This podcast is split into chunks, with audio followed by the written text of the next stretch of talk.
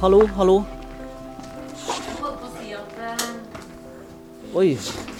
Det er garasjen. jeg holdt på å si at, Ja. at eh, jeg har vært på sånne, eh, på telefon med en sånn varmepumpemann som sagt Men nå får jeg en mann på besøk, så han fikser det sikkert. Nei. Vi er, er hos eh, Vigdis Hjort på Nesøya, og der i garasjen står hun kledd i genser og med bokseren Emma Hjort hoppende rundt beina. Hun har visst fått litt problemer med varmepumpa. Men altså, Vigdis Hjort eh, hun debuterte med barneboka 'Pelle Ragnar i den gule gården', og det var i 1983. Da var hun 24 år. Nå er hun blitt 55. Og som hun har skrevet og bydd på seg sjøl i disse åra. I romanen om Bare skrev hun om forholdet til litteraturprofessor Ari Lindeberg.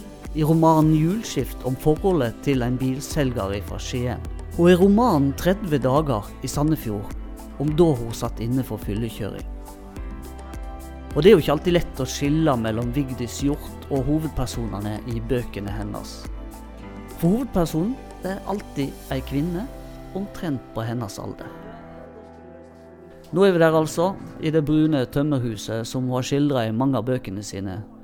Og nå sist i romanen Et norsk hus. Den kom høsten 2014. Og den handler om det å ha polske leiebuere. Og det har Vigdis gjort hatt. Det blir bøker og sånt. Bokpod er sponset av Cappelen Dam med støtte fra Fritt Ord. Produsent Monkberry. Musikk Herman Eide. Kom da, frøken.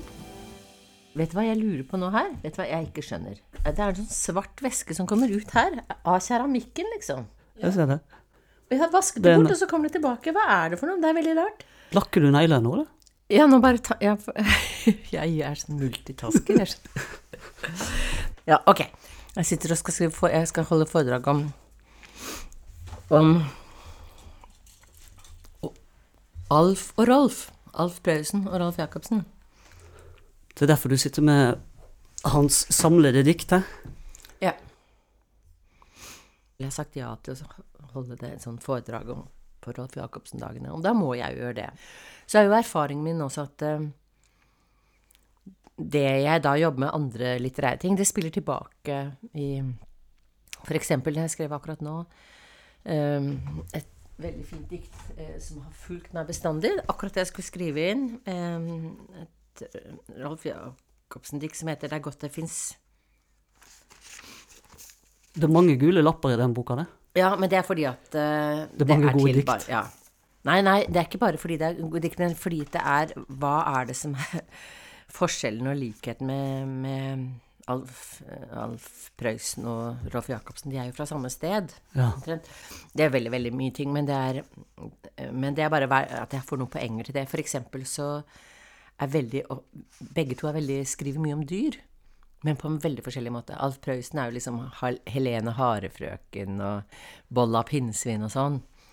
Mens uh, Rolf Jacobsen skriver mye om termitter og øgler og slanger og Altså ødeleggende, farlige, skremmende, ekle dyr, da. Men et dikt som dette er interessant.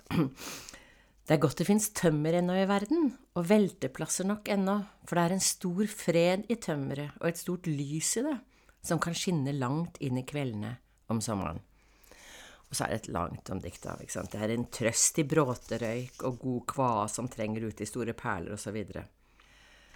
Og husker da, da barna mine var små, og så var jeg veldig sånn ikke sant? Jeg ville ikke skulle ikke sant? Var jo antikristen, da. Veldig religionskritisk. Så jeg ville ikke lese juleevangeliet, men jeg ville le liksom noe som skulle sette høytid, da. Da leste jeg Det er godt det finnes tømmer ennå i verden, og velteplasser nok. Et vakkert dikt. Det her leste du for barna dine. Ja, på julaften. Og de satt som tente lys, som om det var et juleevangelie. Men skjønte de det? Nei, man skjønner man Ja, det vet jeg ikke. Sånn, de tror de, de blir En form for sånn bevegelse blir de vel av det. Men så er det interessant, fordi det følger meg da. Så når jeg skrev den siste boka mi, som dels fore, altså et norsk tur, som dels foregår på et sagbruk i Østfold, så, så bruker jeg det diktet, ikke sant, for det er jo et veldig kjent Rolf Ralf Jacobsen-dikt. Og så bruker jeg det, og så kan jeg da skrive og står det og det er godt det fins tømmer ennå i verden og velteplasser nok, for det er et stort lys i det som kan skinne inn liksom opp i kveldene om sommeren. Og så kommer den tyske oversetteren min. Hva er det du mener med det der der? Ikke sant? Ja. Du skjønner, det er et, en strofe fra et kjent Rolf Jacobsen-dikt. Du holder på med en roman nå? Mm -hmm. Du er midt inni i hele? Er du? Ja. Og er ikke det veldig for, jeg tenker det må jo være litt forstyrrende, og så skal du plutselig Ja, jeg syns det, jeg syns det er litt men, men, dette er jo jeg jo vant til. Altså, det er sånn jeg jobber, liksom. Det er sånn, sånn har det vært bestandig. Eh, det er jo en måte å tjene penger på også, som du kan gjøre innimellom. Altså, vi har jo skrevet et foredrag om alkohol, blant annet, som jeg reiser rundt på sånne AA-greier og Blå Kors og holder det, ikke sant, så får jeg noen penger for det. Det er lettjente penger når du først har satt deg inn i det og gjort noe, da. Så det er jo, sånn har, man, har jeg jo tvunget til å være. Og samtidig så spiller du jo inn på Ja, sånn som jeg sier at At plutselig så kommer en strofe fra et dikt inn i inn i, i, inn i romanen, da. Skriver du hver dag? Ja, jeg skriver ikke nødvendigvis hver dag. Men jeg har alltid et eller annet prosjekt mm. som jeg har i bakhodet, som jeg har i mente som jeg på en Så vil jeg si at jeg arbeider hver dag, på en måte. Det vil jeg si. Altså, jeg arbeider hele tiden. Det har det i, i huet, liksom, det jeg skal gjøre. Det surrer et prosjekt i Ja. ja. Hvis jeg ikke har det, så er, føler jeg meg veldig hvileløs og hjemløs. Ja. Sitter du hvor som helst? Uh, jeg er veldig glad i å være i utlandet. Altså, jeg var nettopp i Montenegro, hvor jeg har en leilighet, og da tenker jeg ikke på noe annet. Jeg leser ikke norske aviser. Altså, jeg går kanskje ned hver annen dag og leser noe mail, liksom, på et sted. Det er en sånn belønning. Da går jeg ned på liksom, hotellet i fiskelandsbyen og går inn og så leser mail og svarer på noen akutte ting, og kanskje jeg går inn på noen norske aviser. Da Men det er belønning. Men fortell om rytmen din. Ja, hvis jeg er i utlandet, eller sånn som der, så står jeg opp, og så Klokka? Når jeg våkner ti-elleve, noe sånt noe. Altså, jeg er ikke en sånn morgen, morgenfugl. Nei, altså det, det, jeg, jeg, sitter lenge oppe, men der i Montenegro så har jeg ikke TV eller noe sånt noe heller. Altså det er bare Jeg sitter og surrer med mine ting, liksom. Um, nei, jeg står opp, og så jobber jeg. Skriver. Da setter du deg ned? Er det noe du må ha før du setter deg ned? Nei. Jeg, bare, jeg åpner den, og så Spiser du? Nei, jeg drikker kaffe. Og så spiser jeg sjokolade. Det er det, det, er det jeg gjør hver Mørk sjokolade. Det er liksom Og av, jeg altså, glemmer nesten å spise og sånn. Og så øh, jobber jeg, så jeg, gjør jeg en av to ting hver dag. Og det er på dette hotellet, som er et litt sånn fint hotell. Der har de da sånn thaimassasje, hvor du får 90 minutter til øh, 40 euro. Så annenhver dag så går jeg ned der. Da svømmer jeg der nede, fordi det er sånn svømmebasseng. Og tar sånn massasje før jeg går og drikker noe øl. Og da fortsetter jeg å skrive. Ha med computeren. Eller så går jeg inn til Budva, som er halvannen times tur inn. Og da setter jeg meg også ned. ikke sant? Da har jeg liksom sånn en kafé hvor jeg setter meg ned. Da går jeg med manuset i huet, liksom. Og det er de beste sånne der eh, produktive timen kanskje timene, det er når jeg har gått den turen, og så er det liksom sånn La oss si klokken er fem-seks. Og så setter jeg meg på sånn, et spesielt sted hvor alle vet hvem jeg er, og hva jeg skal ha. Så kommer det en sånn stor øl. Da skriver jeg jævlig bra. Det er akkurat det er liksom sånn to-tre halvlitere mens jeg da sitter og ser utover havet. Og, da, da, og da, alt jeg har tenkt på da underveis, det kommer liksom Da kan jeg skrive mange sider. Det var to-tre øl, men for det går jo et sted da man har drukket for mye, og det ikke funker å skrive. Men jeg, jeg, slutter på, jeg, slutter på, maskinen på et tidspunkt. Altså, jeg er ja. redd for å jeg, går, altså, jeg lager dokumentet og legger det vekk og sånn, slik at jeg ikke kan ødelegge noe, gjøre noe dumt, plutselig slette noe. Altså, ikke sant? Sånn. Men jeg sitter jo da med penn og papir og, og, kan få rare ideer og sånn. Og så neste dag kan jeg se om det er noe brukbart der eller ikke. Men hvordan begynner du i, det hele tatt, når du skal skrive en ny roman? Har du en idé, eller har du en scene, eller har du en Nei, jeg har, uh, har alltid en idé, altså noe som er Som jeg opplever, altså en form for Jeg skal kalle det et dilemma, da. Eh, noe som jeg syns er vanskelig i mitt eget liv. Som, som, altså noe som jeg selv baler med, men som jeg samtidig tenker at jeg ikke er alene om å bale med, da. Eh, og da så, så, er det på en måte hvordan, skal, hvordan skal jeg på en måte løfte det, få det til å bli litterært, få det til å bli allment? Mm. Det er jo det. Og også finne et stoff til det. Uh, altså Det er liksom én sånn hovedhistorie som jeg har lyst til å fortelle, og så er det bare idet jeg velger hva hovedpersonen skal arbeide med, så, så begynner jo Fordi det du arbeider med, har mye å si for hvordan du opplever verden og opplever livet og hvordan du er i verden på. Så idet jeg velger et yrke til en person, og jeg går inn der, så, så begynner den karakteren å tre fram, ikke sant, som kanskje skal på en måte Hovedhistorien kan være noe jeg har opplevd og sånn, men idet jeg velger, i det jeg velger yrke, så, så, skjer det et eller annet. Sånn som f.eks. hvor jeg er nå. Jeg vet hva slags historie jeg skal fortelle nå, men jeg er ennå ikke helt sånn sikker på hva hovedpersonen min gjør. Og det er et eh, Det er et sånt Det må jeg snart bestemme. Fordi det vil ha mye å si for, for hele romanen. Det må bli noe kreativt, eller? Nei, det behøver det ikke. Behøver det ikke men det må jo være noe jeg kan kjenne meg igjen i. Altså, det var noe som jeg tror jeg vet noe om. Altså, jeg tror ikke jeg ville turt å skrive om, en hjernekirurg, liksom. Ikke sant? Fordi at jeg vil tro, eller en advokat. Fordi at jeg vil tro at språket til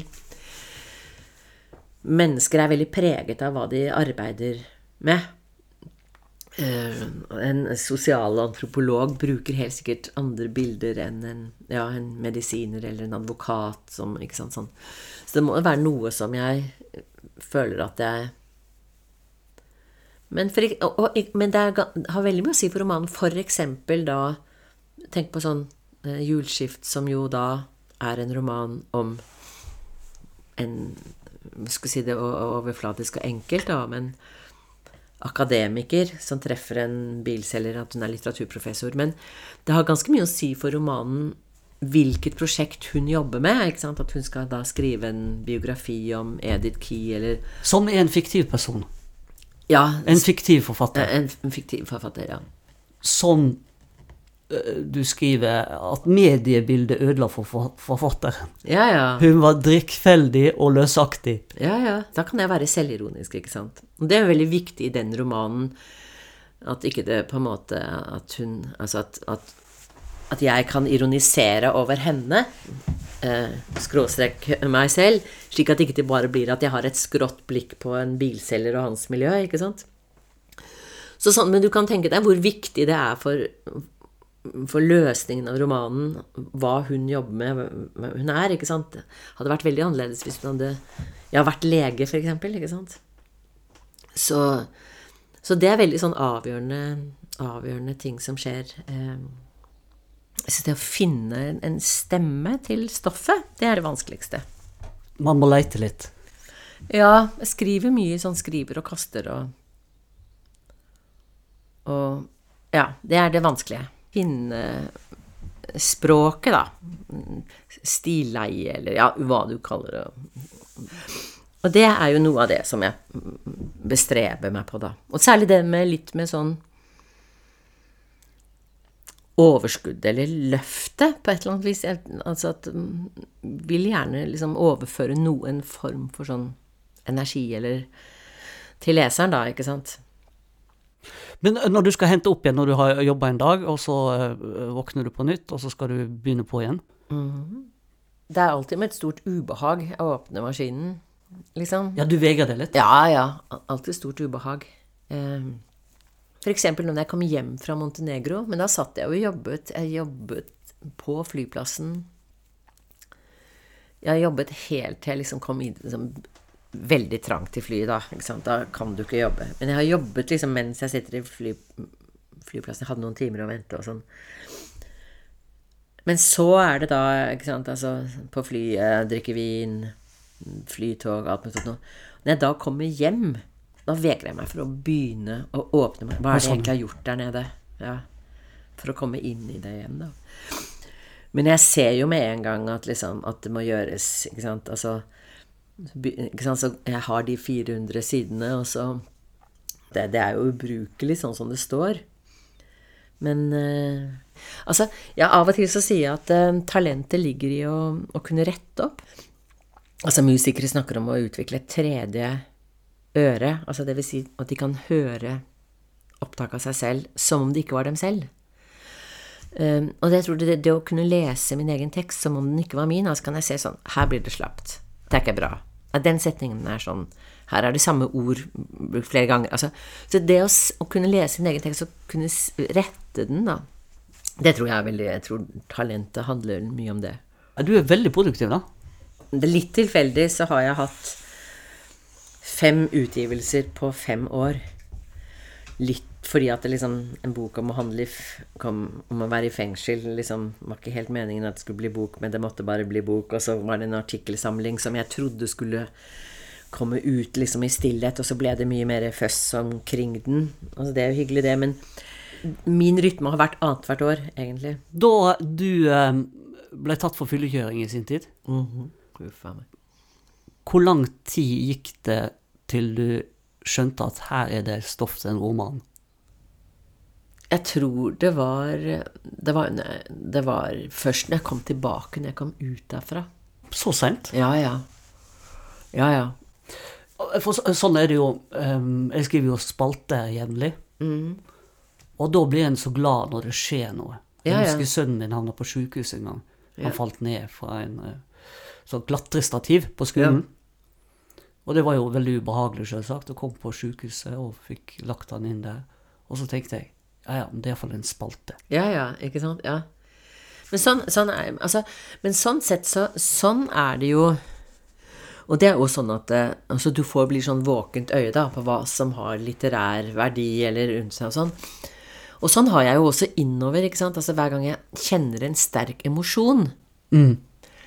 Og det tror nok Altså sånn øh, der, det er ofte sånn det, eh, romaner begynner. For eksempel da min, den siste romanen min, så er det sånn at, at jeg selv da har, hadde en polsk leieboer, og så hvor enormt heftig engasjert jeg ble i den relasjonen.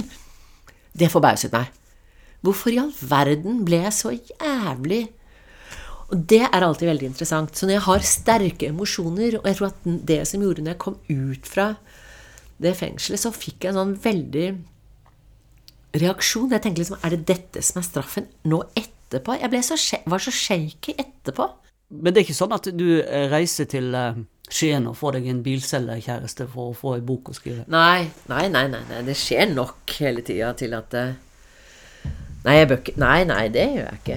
Altså, jeg oppsøker ikke I hvert fall ikke bevisst. Det kan godt hende at jeg sånn ubevisst setter meg i situasjoner det kan, det kan Det har jeg vel kanskje av og til lurt på, liksom. Om jeg tar noen Ikke sant, at jeg, at jeg tar noen risiko, på en måte. Altså, ikke sant? Altså at jeg, at jeg kan hente noe litterært. At jeg på en måte kan være litt sånn skjødesløs, da, for eksempel. Eller at jeg Jeg er nok sånn, sånn på en måte Jeg er jo ikke noe forsiktig type, ikke sant? Altså av eh, som er veldig redd for hva andre tror, eller oppfører meg veldig sånn altså korrekt, eller sånn. Og det kan nok hende at jeg også kan hente noe litterært i at jeg på en måte opplever det jeg gjør, at jeg setter meg selv i situasjoner. Det kan godt hende at det er noe ubevisst der, men det er ikke sånn at jeg gjør det bevisst. Jeg tenker å, dette kan bli noe, liksom. Nei.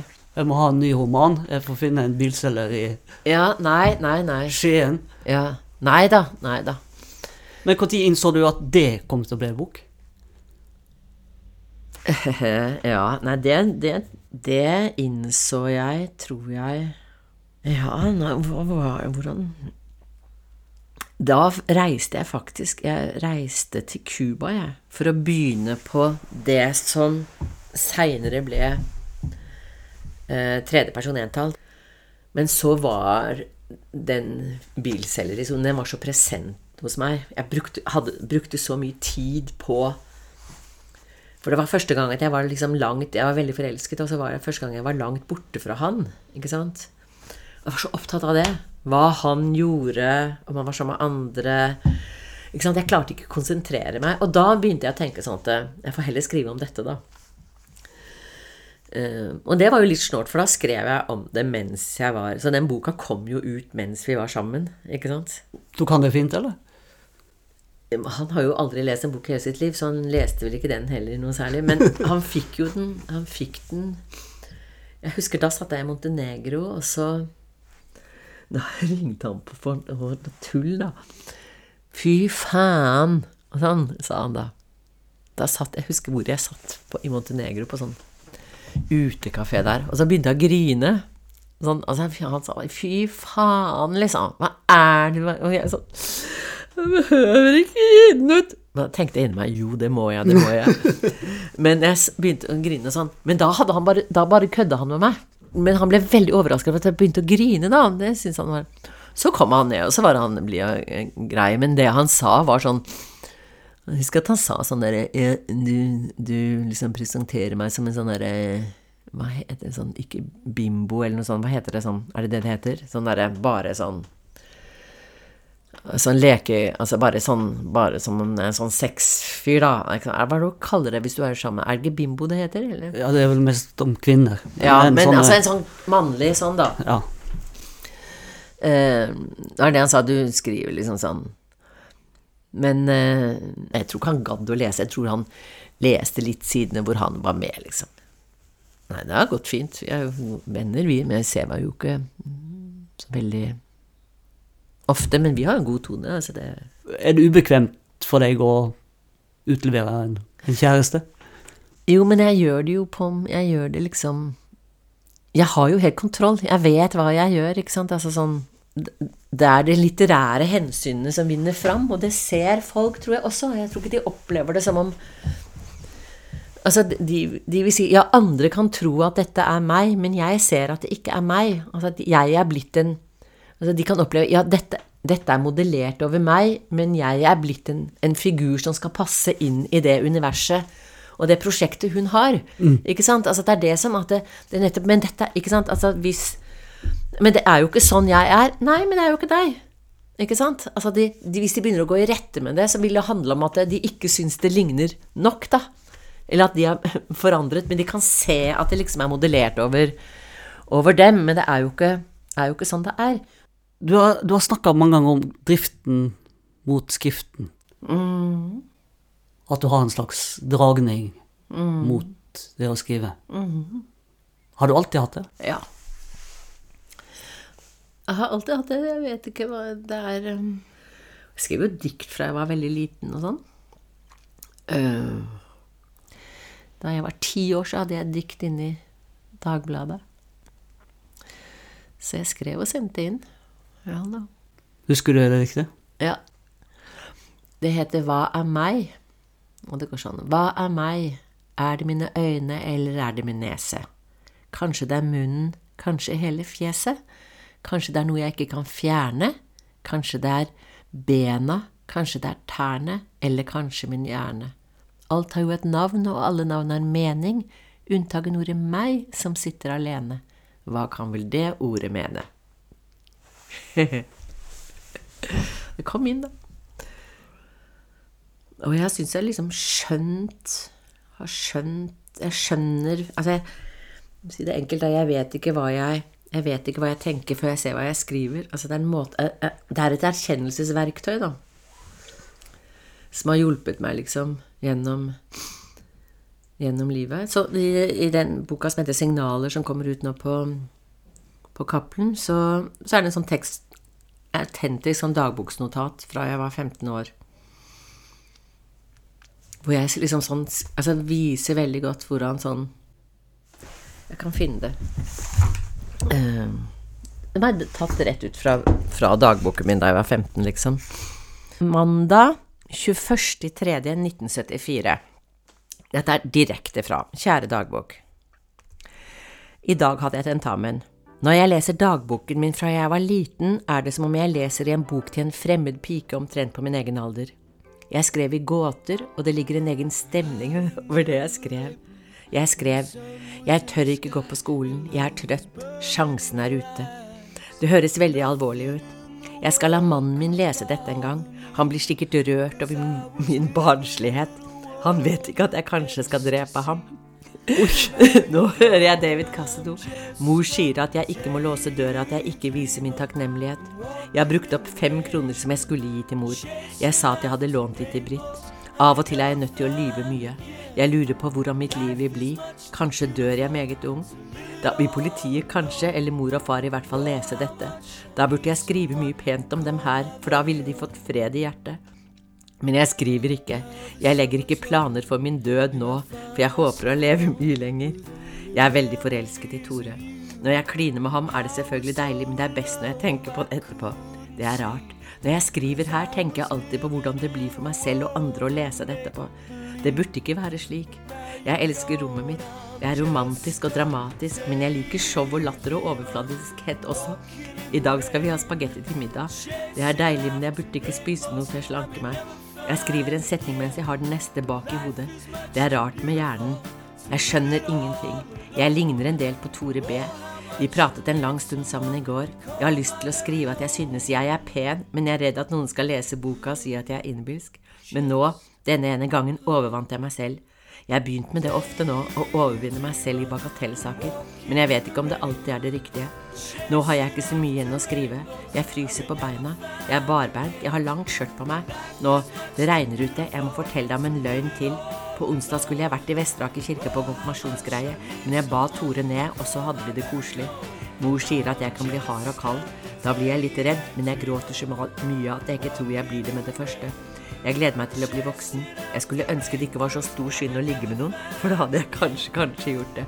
Men jeg vil ikke. Det verste som skjer, er hvis noen banker på døra mi når den er låst. Da skvetter jeg som om jeg gjør noe galt. Jeg har støtt dårlig samvittighet for ting jeg ikke vet om. Hvorfor skjer det aldri, det som vi ser på film og hører om når det er nettopp det alle ønsker? Jeg er i dag i et underlig humør. Jeg har skrevet en bok. Har ennå ikke hørt noe fra Gyllendal. Håper og håper at den ikke kommer ut. I dag har jeg skrevet underlig. Takk. Hilsen Vigdis Hjorth, Haugesvei 23, Oslo B. Kanskje jeg dør snart. Fantastisk. Men Hvor det, gammel var du da? 15. 74. Var ikke 15 da? Jo, sånt da. Men ikke sant, du ser jo hvordan jeg har Sånn har jeg hatt det med skriften. Du skriver fremdeles dagbok? Ja, ja. Hver men, dag? Ja, men nei, ikke hver dag. Når det har skjedd noe, eller når det uh, Det ligger vel her Altså, nei, nei altså, det jeg skriver, jeg oppdaterer, men jeg bruker ikke noe Jeg bruker ikke noe uh,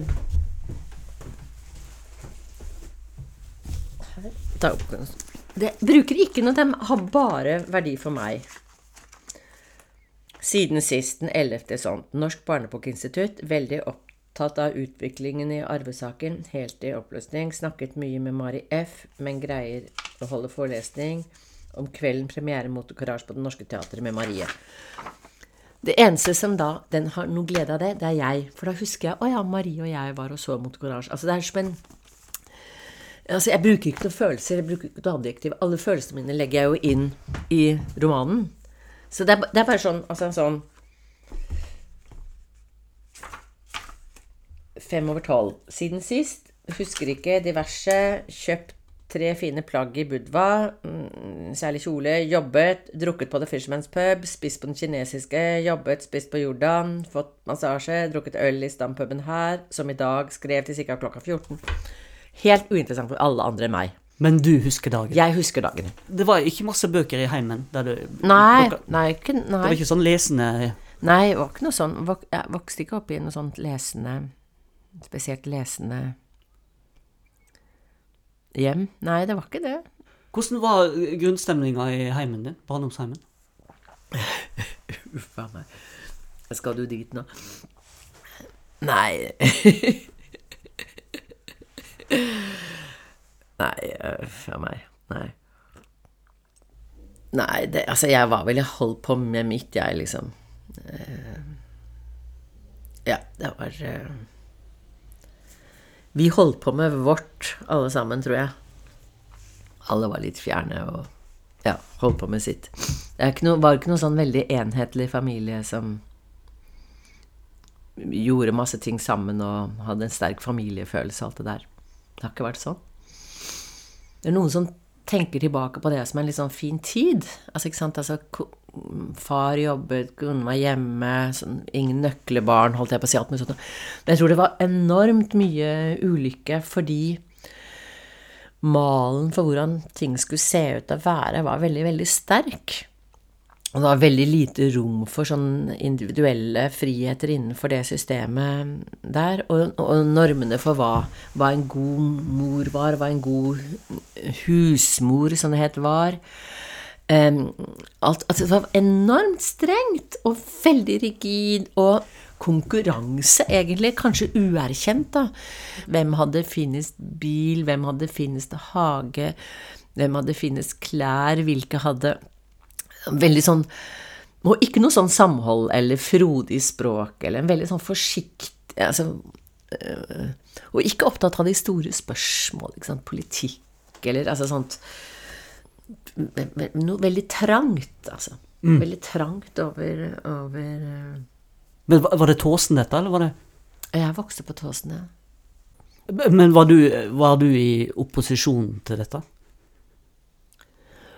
Ja, på min måte så var jeg nok det. Jeg eh, ble jo utvist fra skolen fordi jeg hadde skrevet stygge ord på dodøra. Da jeg var i Og det var ord, sa ryktene, som var så stygge at fru Vego, den strengeste damen i nabolaget, ikke ville ta dem i sin munn, liksom.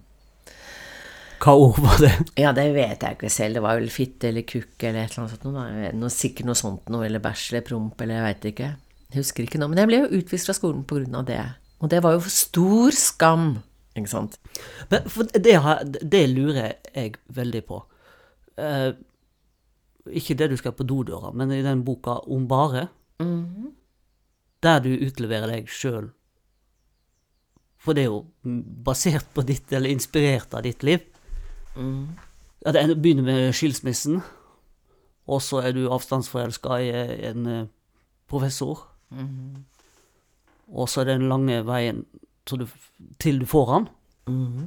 Og så er det det her destruktive livet etterpå.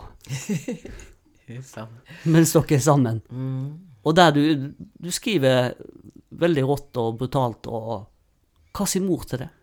Min mor? Det aner jeg ikke. Det, altså, jeg konsulterer jo ikke jeg, jeg, jeg, har utradert mine foreldres stemmer i huet mitt for lenge, lenge siden. De finnes ikke finnes ikke i huet mitt. Hva betyr det? Det betyr at jeg aldri tenker Hva vil mor eller far si til det her? Aldri. Nei, nei, nei. Men aldri Det aner ikke. Det, det er helt likegyldig. Eller det, det, jeg, jeg, tenker ikke. Har, har, de lest boka, da? Aner jeg ikke. Men barna, da? Mine barn? Ja. ja. For det er jo to hensyn man tar. Ja. Man, man, tenker når man, når man ja, Uansett hva man gjør, så tenker man jo alltid hva vil mor si, hva vil far si. Og når man får barn, så tenker man hva vil de si? Å ja, nei, det, og det tenker jeg heller ikke på. nei det gjør jeg ikke. Men uh, Og jeg tenkte at det, det, er mye, mye viktigere hva slags relasjoner vi har, enn hva som står i noen bøker. Altså, altså de jo, Den relasjonen til barna mine, det, det betyr jo mye for meg. Men, men jeg tenker ikke på det når jeg skriver bøker. Altså Den relasjonen min til, til barna er jo sant, opptatt av at, at, den skal være nær, at vi skal snakke om de viktige tingene, at det skal være ekte. det skal være alt sånt. De bøkene tenker jeg ikke på. Det, det, er ikke med i den relasjonen i det hele tatt. Men jeg, men jeg har jo fått et par, en, noen, en par ganger så husker jeg at det, det var datteren min Jeg tror det var den boka som heter 'Julskift'. Hadde jo delt omsorg med barna de bodde da annenhver uke hos sin far og annenhver uke hos meg. Og så står det vel i den boken at, jeg, at liksom hovedpersonen da blir irritert når barna kommer liksom til henne en, en, uke hvor hun egentlig ikke skulle ha dem, da. Ikke sant? Ja, og da, da var det datteren min som skrev, sånn, skrev en sånn tekstmelding til meg. Men hun skrev sånn, Så rart å vite at et menneske som jeg setter sånn pris på, ikke er like glad i meg tilbake. Altså et eller annet sånt noe. Men, men da må jeg liksom si Men herr Lind, det er en bok. Ikke sant? Det er en bok. Og nå, når hun Hun er jo filmviter, og nå er stipendiat og jobber med filosofi og fiksjon og alt mulig sånt nå. Så nå, nå skjønner hun jo alt det der. Altså, ikke sant? Altså, fordi det innebærer Det er faget hennes, ikke sant? Å forstå hvordan du snekrer sammen en historie, og hva du velger vekk fordi det ikke passer inn i den historien du skal fortelle, og hvordan du forsterker ved å legge inn sånn og sånn. Slik at liksom eh, den lesningen som, som, som handler om å lese seg selv, eller tro at, at du kan avlese noe i de bøkene som ikke finnes ellers, altså som om jeg på en måte har, har noen hemmeligheter, da hvordan jeg egentlig ser på barna mine, hvordan jeg egentlig har det med dem, så kommer du ut i de, i de bøkene. Men sånn er det ikke. Altså, det er ikke det. Altså, de kan se at det opptrer noen barn i mine bøker som jeg bruker til sånn eller sånn, eller kom sånn og sånn, og så kom barna, og så måtte du dra. Men det er ikke dem. Ikke sant? Mitt forhold til barna er materialiserer seg i forholdet vårt. Der, der, sånn er jeg som mor. Dette er hva jeg føler. Dette er hvordan det er sånn og sånn. Bøkene har ikke noe med det å gjøre. Og jeg tror den måten man har løst det på det, jeg tror, jeg tror, ikke de leser hva jeg skriver. Nei, jeg er ikke interessert. Nei. Jesper, Elses sønn, har jo aldri lest noe av det jeg har skrevet. Det er jeg helt sikker på. Så hvorfor skulle han det, liksom? Kan jeg bare lage en kopp kaffe til? Ja, ja, ja. Skal du ha mer? Nei, jeg er veldig Ja. Veldig fort. Eh, fordi jeg er så vant til å være alene og, så, og syns det kan være ganske slitsomt å være sammen med andre. Altså, jeg er jo ikke god på sånn derre Sånn smalltalk og Og sånn derre Jeg syns det er forferdelig. Og jeg kan det ikke, liksom snakke om sånn Ja, jeg vet ikke hva de snakker om engang. Så, så det blir en sånn yrkesvakhet. Jeg har ikke noe sånn Apropos stemme og stileie. Jeg har ikke noe stileie for For uh, uh, Det jeg går ut fra at dere lærer på når dere, har, når dere er på en arbeidsplass, altså sånn litt halvpersonlig. altså Litt sånn at man kjenner hverandre, kan fortelle hva man har gjort i hvilken Men ikke helt personlig. altså Jeg blir veldig sånn enten-eller, ellers så trekker jeg meg helt tilbake. Men du er jo sosial, du. Nei. Nei? Nei. Bare når jeg drikker. Jeg drikker for å greie det. Så jeg er ikke sosial i det hele tatt. Jeg syns det var forferdelig sånn Utveksle litt med den og litt med den. Jeg finner uhyre anstrengende og forferdelig kjedelig. Og jeg klarer det bare med et glass i hånden. Ellers er det ikke i stand til å greie det. Jeg kjenner igjen det at det blir litt lettere med et glass i hånda. Ja, ja. Og det syns jeg sånn Så jeg er nok sånn at det, enten skal det være veldig alvorlig, da skal stå Fortell meg, liksom Ja, er faren din død, liksom? Ja. Hvordan død? Fortell! Ikke sant? Altså alt det der som er alvorlig, som er viktig, da. Du er nysgjerrig? Ja, men det er jo Alle mennesker er forferdelig opptatt av andre mennesker. Det er derfor vi ser på film og leser bøker og sånn. Vi er kjempenysgjerrige på andre mennesker. Men du er kanskje ekstra nysgjerrig? Eh, jeg vet ikke.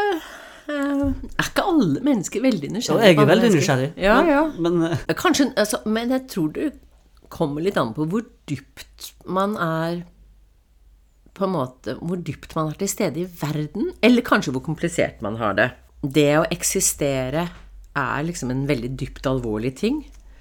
Eh, og ganske komplisert. Og det er masse moralske dilemmaer i forhold til det. Og, og det er, jeg syns det er krevende og interessant og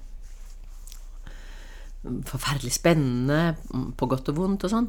Du tenker mye hele tida? Ja, veldig. Det går på sånn veldig Det er derfor jeg altså lurer på om jeg drikker. Altså at jeg drikker for å på en måte dempe en sånn Ja, du sa en gang at du hadde mange stemmer. Ja, ja. Altså, du, du, har sagt mange forskjellige ting, sikkert, ja. men at du har mange stemmer, og når du drikker, så blir mm. det én stemme. Ja, det blir liksom sånn Det er som å dempe den kjempediskusjonen jeg har i huet hele tiden. Slitsomt. Jeg syns det er veldig slitsomt for meg. Jeg tenker, når jeg drikker vin, så tenker jeg at etter de to-tre første glassene, så tenker jeg at nå er jeg meg sjøl. Mm, ja. Det er sånn jeg er. ja. Har du det sånn, eller? Ja, altså, øl får meg til å føle meg sånn jeg burde føle meg uten øl, liksom. Jo, jeg har det veldig sånn. Jeg har det veldig sånn. Altså at jeg kan kjenne liksom noe sånt eh, Nå har jeg det bra, liksom. Men det er jo, det er jo en form for sånn, eh, i mitt tilfelle, selvmedisinering. Altså, jeg har jo en veldig, veldig mye uro. Og det, den uroen tar jo alkoholen vekk, ikke sant? Så, så det er jo Så det er blitt et sånt middel, på en måte, som jeg, som jeg bruker, da. Og det tror jeg det er mange som, mange som gjør. Kanskje ikke så, så mye som meg, men jeg tror det er mange som Og særlig når man kanskje begynner å bli litt eldre, og man ikke er så redd for det lenger. ikke sant? Altså at Da man er ung, og, så har man mye mer angst forbundet med alkohol, tror jeg. Altså at uh, Redd for å bli avhengig, redd for å bli alkoholiker. og føler mye angst med at man gjør dumme ting og husker ikke helt og sånne ting. Så jeg tror nok at det er eh, I hvert fall så jeg kan se det altså på, på en måte hos, hos venner og sånn, at det er mange flere når de er kommet opp i min alder, liksom på vei mot 60 og sånn, at de er ikke redde for at de skal miste helt, miste helt grepet om alkoholen. ikke sant? Altså Det er mye lettere å ta seg noen glass uten at det er så sånn står fareskilt overalt, da. Så du er ikke redd for det? Jo, altså Burde jeg sikkert være. Går og tar sånn leverprøver og sånn, da. Burde sikkert gjøre det nå snart, men uh, Nei, altså, det, det som er Det som jo er en sånn dårlig vane, det er jo at eh, jeg bruker det som litt sånn sovemedisin, ikke sant. Altså at det uh, Og det er sikkert ikke Sikkert ikke lurt, det. Men samtidig så er det sånn Jeg ser det jo på jeg ser det jo litt på sånn kollegaer og sånn, da, så syns jeg at liksom at det, det, er veldig mange av de som har vært veldig, veldig tørste, som har like, så roer det seg litt, rett og slett, etter hvert med at de altså Det betyr ikke at de slutter og sånn, men de, de, de blir ikke så utagerende eller så Det er, sånn roer seg ned. Så jeg bare håper at det skal skje med meg òg, liksom. Sånn, men er det sånn du gleder deg nå til å ta et glass etterpå? Ja, det, det gjør jeg jo alltid. det gjør jeg jo alltid. Um, jeg har liksom Jeg har noen ting jeg skal gjøre før jeg får lov til det, liksom, da. Men du, blir du ikke forferdelig lei bakrus? Nei, men jeg blir ikke så mye bakrus. Altså, det er en sånn vanlig tilstand for meg. altså, jeg blir, jeg blir ikke, får ikke bakrus på den måten som hvis du ikke har drukket på lenge og du drikker deg mye. Ja, men litt sånn angst og litt uh, Mange blir jo sånn skjøre og hudløse dagen derpå. Ja, det er blitt så vanlig for meg. Sånn at nei, altså jeg, Nei. Men jeg blir, sant, altså, jeg blir sånn flinkere til på en måte, ikke. Altså, jeg var jo Skulle vært på en fest på lørdag. Og så kjenner jeg liksom at jeg er litt sånn sliten og sånn. Og da går jeg ikke på den. Altså, ikke sant? Altså, sånn, da bare tenker jeg Nei, men det gjør jeg ikke. Jeg sitter heller hjemme og drikker litt rødvin. Eller ikke litt mye, men men det er liksom sånn mer at jeg prøver heller å Altså, så lenge jeg sitter her for meg selv, så skjer det jo ikke noe, liksom. Altså, det er ikke noe sånn Så rent sånn kjemisk så tror jeg ikke jeg har så mye. Men det var ganske forbausende for meg, altså sånn Altså befriende, da, på en måte, men at jeg Det var jo ikke noe vanskelig for meg i, i Sandefjord i, i, i 30 dager Altså, de der uten, uten å drikke, det gikk jo helt greit, det. Det er jo sånne ting. Så jeg prøver å ha hvite dager innimellom sånn, da. Men det er vel litt kjedelig, liksom. Men det, det er ikke noe vanskelig. Og det syns jeg er ok.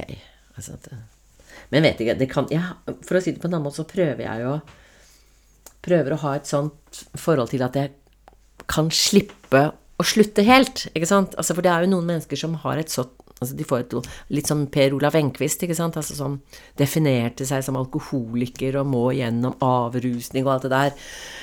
Og man kan jo ikke vite om man kommer dit, eller når man kommer dit, men jeg vil gjerne slippe det. ikke sant? Altså for da må du velge det helt vekk. For jeg har såpass stor glede av det. Så jeg, jeg prøver å begrense det, sånn at jeg ikke skal komme i en sånn, sånn, situasjon, da. Eller for jeg kan si det med Gunnar Ekeløf, som sier sånn Jeg eh, eh, Jeg vil ikke være alkoholens slave, men jeg trenger dens tjenester. Ikke sant? Og det er en forskjell på det, å være slave av det, og innrømme at man trenger den tjeneste. Men da er, det, da er det du som har kontrollen, da, på en måte. Du har sagt en gang at de fleste som skriver, bærer på en byrde. Mhm. Ja, det er jo kan, Man kan så snakke Man kan jo ikke Jeg tror at helt friske og harmoniske mennesker ikke skriver romaner. men det, det, kan jeg ikke vite. Men det er vel, det er vel på en måte dette veldige behovet for å For å uttrykke seg og, og få litt sånn Jeg tror nok det kan avspeile en form for sånn Et kaotisk indre, eller um, uro Altså, det er jo en Hvis vi skal Alle mennesker har jo Bærer jo på, på en byrde. Alle mennesker gjør jo det. Alle mennesker har en barndom. Alle mennesker har opplevd eh, vonde ting av forskjellige slag. Og hele livet handler liksom om hvordan skal jeg bære byrden min? Eh, og sånn at man ikke blir altså, ikke får slitasjeskader, ikke sant. At man ikke det. All terapi handler jo om det med at hvordan skal jeg bære dette som er meg, min barndom. Og at hvis man da har funnet ut måter å bære det på som er destruktive, f.eks. hvis man drikker for mye, eller man skader seg selv, eller slutter å spise, eller Altså det finnes så mange destruktive måter å bære byrden sin på. Uh, så, men der, sånn sett så er jo da forfattere eller kunstnere det er mennesker som på en måte er litt heldige i, i den forstand at de ofte har en sånn sublimeringsevne, da. En evne til å omsette skaden sin eller byrden sin i noe som på en måte blir noe. Eller jeg pleier å holde et foredrag som heter 'Hvordan tjene penger på dine ulykker'. og det er jo det jeg gjør, på sett og vis. Da, ikke sant? Altså at jeg Eh, det er jo ingen ulykke jeg har tjent så mye penger på som den ulykkelige forelskelsen i Jørgen, Jørgen i fjerde klasse, ikke sant? Den har jeg tjent masse på, siden har det ballet på seg med ulykker. Og det Kanskje man ikke er så redd for ulykkene heller, fordi at man kan tjene noen penger på dem og sånn. Du veit at de kan brukes til noe? Ja, ja, ikke sant. Men um, Men tilbake, du er det, det er ikke sånn at du derfor oppsøke det ulykkene? Har, nei, det har jeg jo lurt på noen ganger, jeg, men jeg tror nok ikke at jeg kanskje Nei, jeg tror ikke jeg, tror ikke jeg gjør det. Men jeg kan nok hende at jeg er litt mer uforsiktig. Altså, og så tror jeg ikke jeg er redd for Jeg er ikke så redd for psykiske grensetilstander. Og det er det undersøkelser som viser, eh, blant annet at liksom sånn At uh, kunststudenter, for eksempel, er mye, kan gå mye lenger inn i sånne psykiske tilstander enn andre mennesker. Antakeligvis av to grunner. Fordi de kan hente noe der, noe kreativt der, men også fordi de har erfaring med at de kommer tilbake igjen. Andre mennesker kan bli, hvis de begynner å få rare tanker, og så tenker gud, nå er jeg i ferd med å tørne, liksom, og, og, på en måte får disse tankene vekk og sånn. Mens jeg kan gå ganske langt inn og leve meg inn i i, i scenarioer, eksempel. Altså som egentlig kan være forstyrrende for andre, antageligvis. ikke sant? Altså gå langt inn i å inn, sånn, Noe som kan ligne på sånn galskapsgreier. Altså fordi at det, Her må du være litt konkret. Uh, jeg kan nevne et eksempel. Jeg husker at jeg satt i Karlstad, og så skulle jeg fly hjem. Det er en sånn flytur som tar 20 minutter eller noe sånt. Og så plutselig så fikk jeg sånn, sånn, sånn følelse. Jeg tror det var litt tåke og sånn, men så hadde jeg lest at liksom folk som på fly Det er flere avbestillinger på fly som faller ned, enn på andre fly. Det er et statistisk riktig. Ergo må noen få et tegn, ikke sant? Og hva, slags, hva skulle være et tegn, annet enn den Der kom den igjen, liksom. Hva skal jeg gjøre? Skal jeg ta det flyet i 20 minutter? Eller skal jeg ta toget? Det tar fire-fem timer, men, og det koster penger og alt mulig sånt noe veldig sånn stor dilemma. De hadde, hadde begynt å sjekke inn, ikke sant. Det er sånn Jeg velger livet! Jeg velger livet. Takk for tegnet, liksom. Jeg går ut, og jeg setter meg på toget. Og, på tog, og mens jeg da sitter på toget, så tror jeg hele den togturen, så tror jeg at det har falt ned et fly.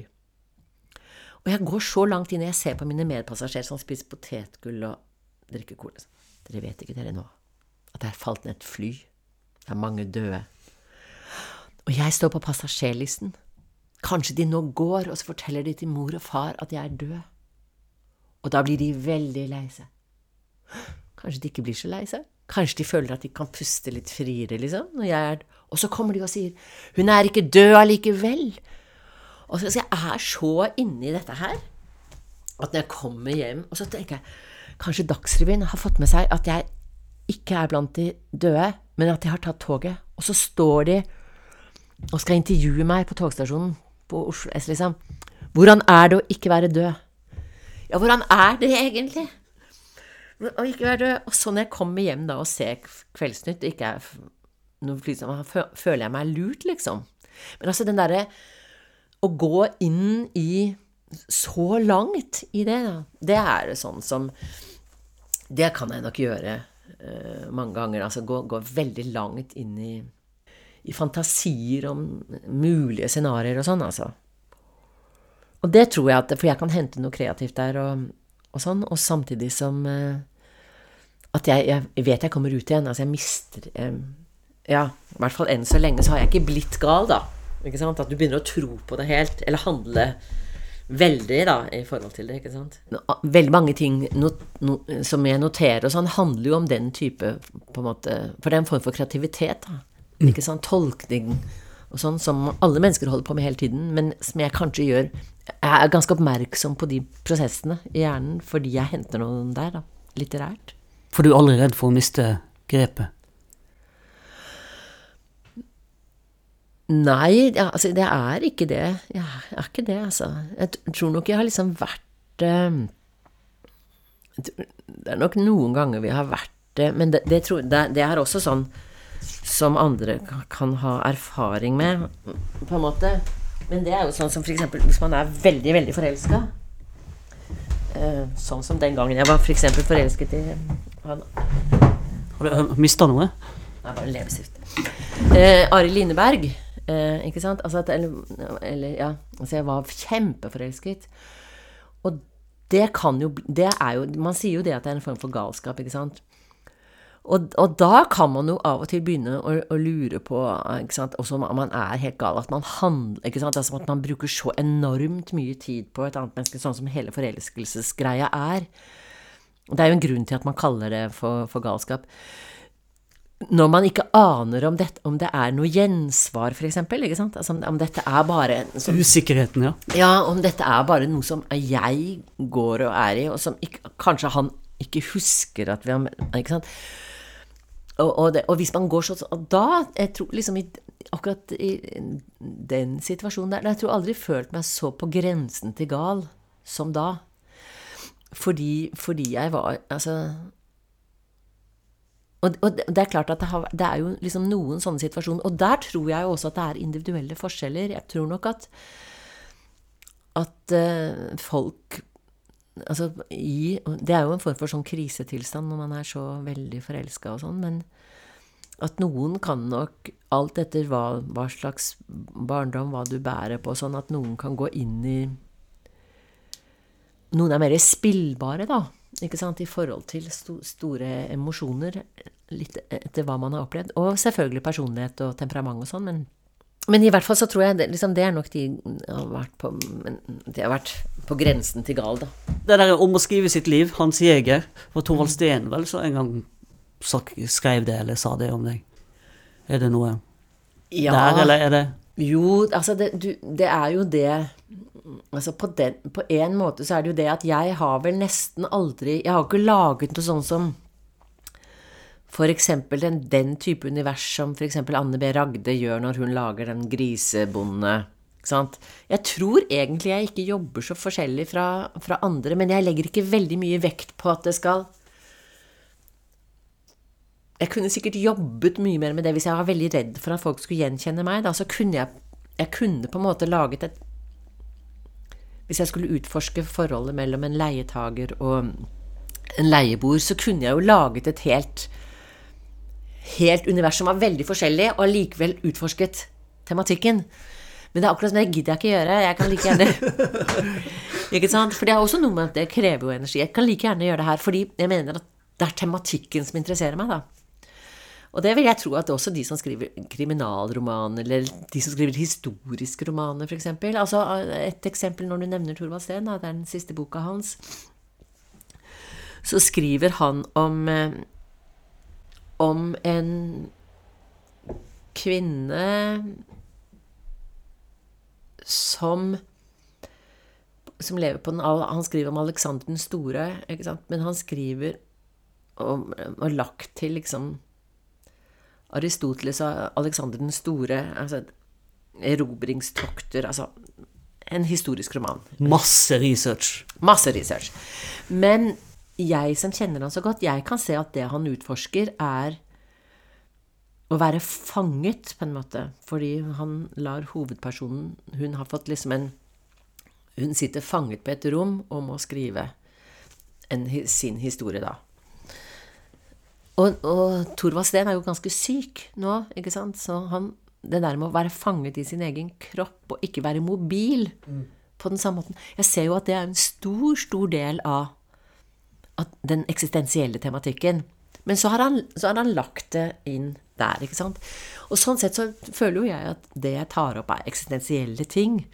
Men jeg, ikke, altså jeg bruker ikke veldig mye arbeid på å plassere det andre steder i tid og rom, da. men jeg tenker f.eks. Altså når når du En bok som 'Sjenanse og verdighet' av Dag Solstad, f.eks. Når han skriver om denne læreren Elias Rukla som skal prøve å undervise disse barna i uh, Er det Villanden? Villanden. Ja. Uh, ikke sant? Altså det, og det der med at Jeg syns det beste i den boka er jo når han snakker om at han ikke Altså han er liksom sånn Ikke er, føler at han henger med i sin egen tid. At det mediene skriver om, er sånne ting som ikke interesserer ham. Altså de menneskene som er på forsiden, vet han ikke hvem er. Det de har gjort, er ting som ikke har noen betydning for han. Altså, det er jo ting som som, du, altså, som du vet og, skjønner er tanker som er Dag Solstad sine. Ikke sant? Altså han som på en måte, Det er hans analyser av akkurat hvordan han har det i forhold til det, i forhold til mediebildet. Når han går i Narvesen og ser forsiden på Dagbladet og VG, så føler Dag Solstad det sånn. Det er jo ingen som er i tvil om det. Ikke sant? Så, så skriver han noe annet som, den, som, bærer den boka, liksom. Jeg syns jo det er mediekritikken som er mest interessant. Men der er det jo en form for trekantdrama, da.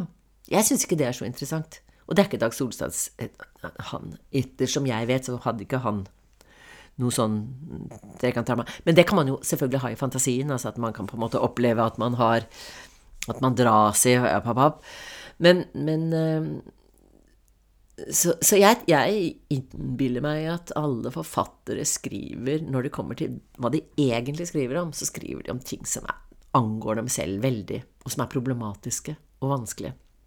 Og så kan man legge det inn, eller kamuflere, eller lage universer. Alle skriver om seg selv, bruker sin egen Det er nesten ikke til å komme forbi, men det er hvilket univers, hvor fjernt man legger det fra sitt, fra sitt eget. da.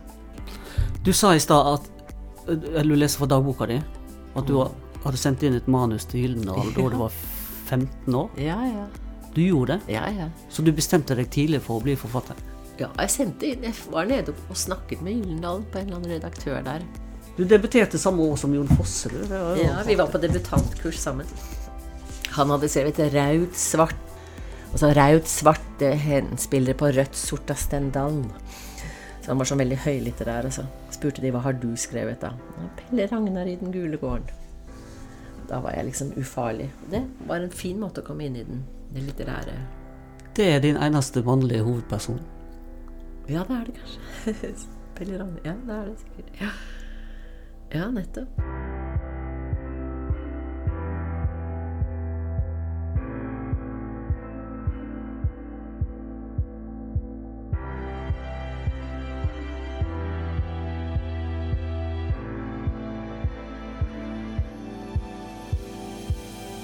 Og i neste uke da skal vi til Hamburg og treffe sjølveste Ingvar Ambjørnsen.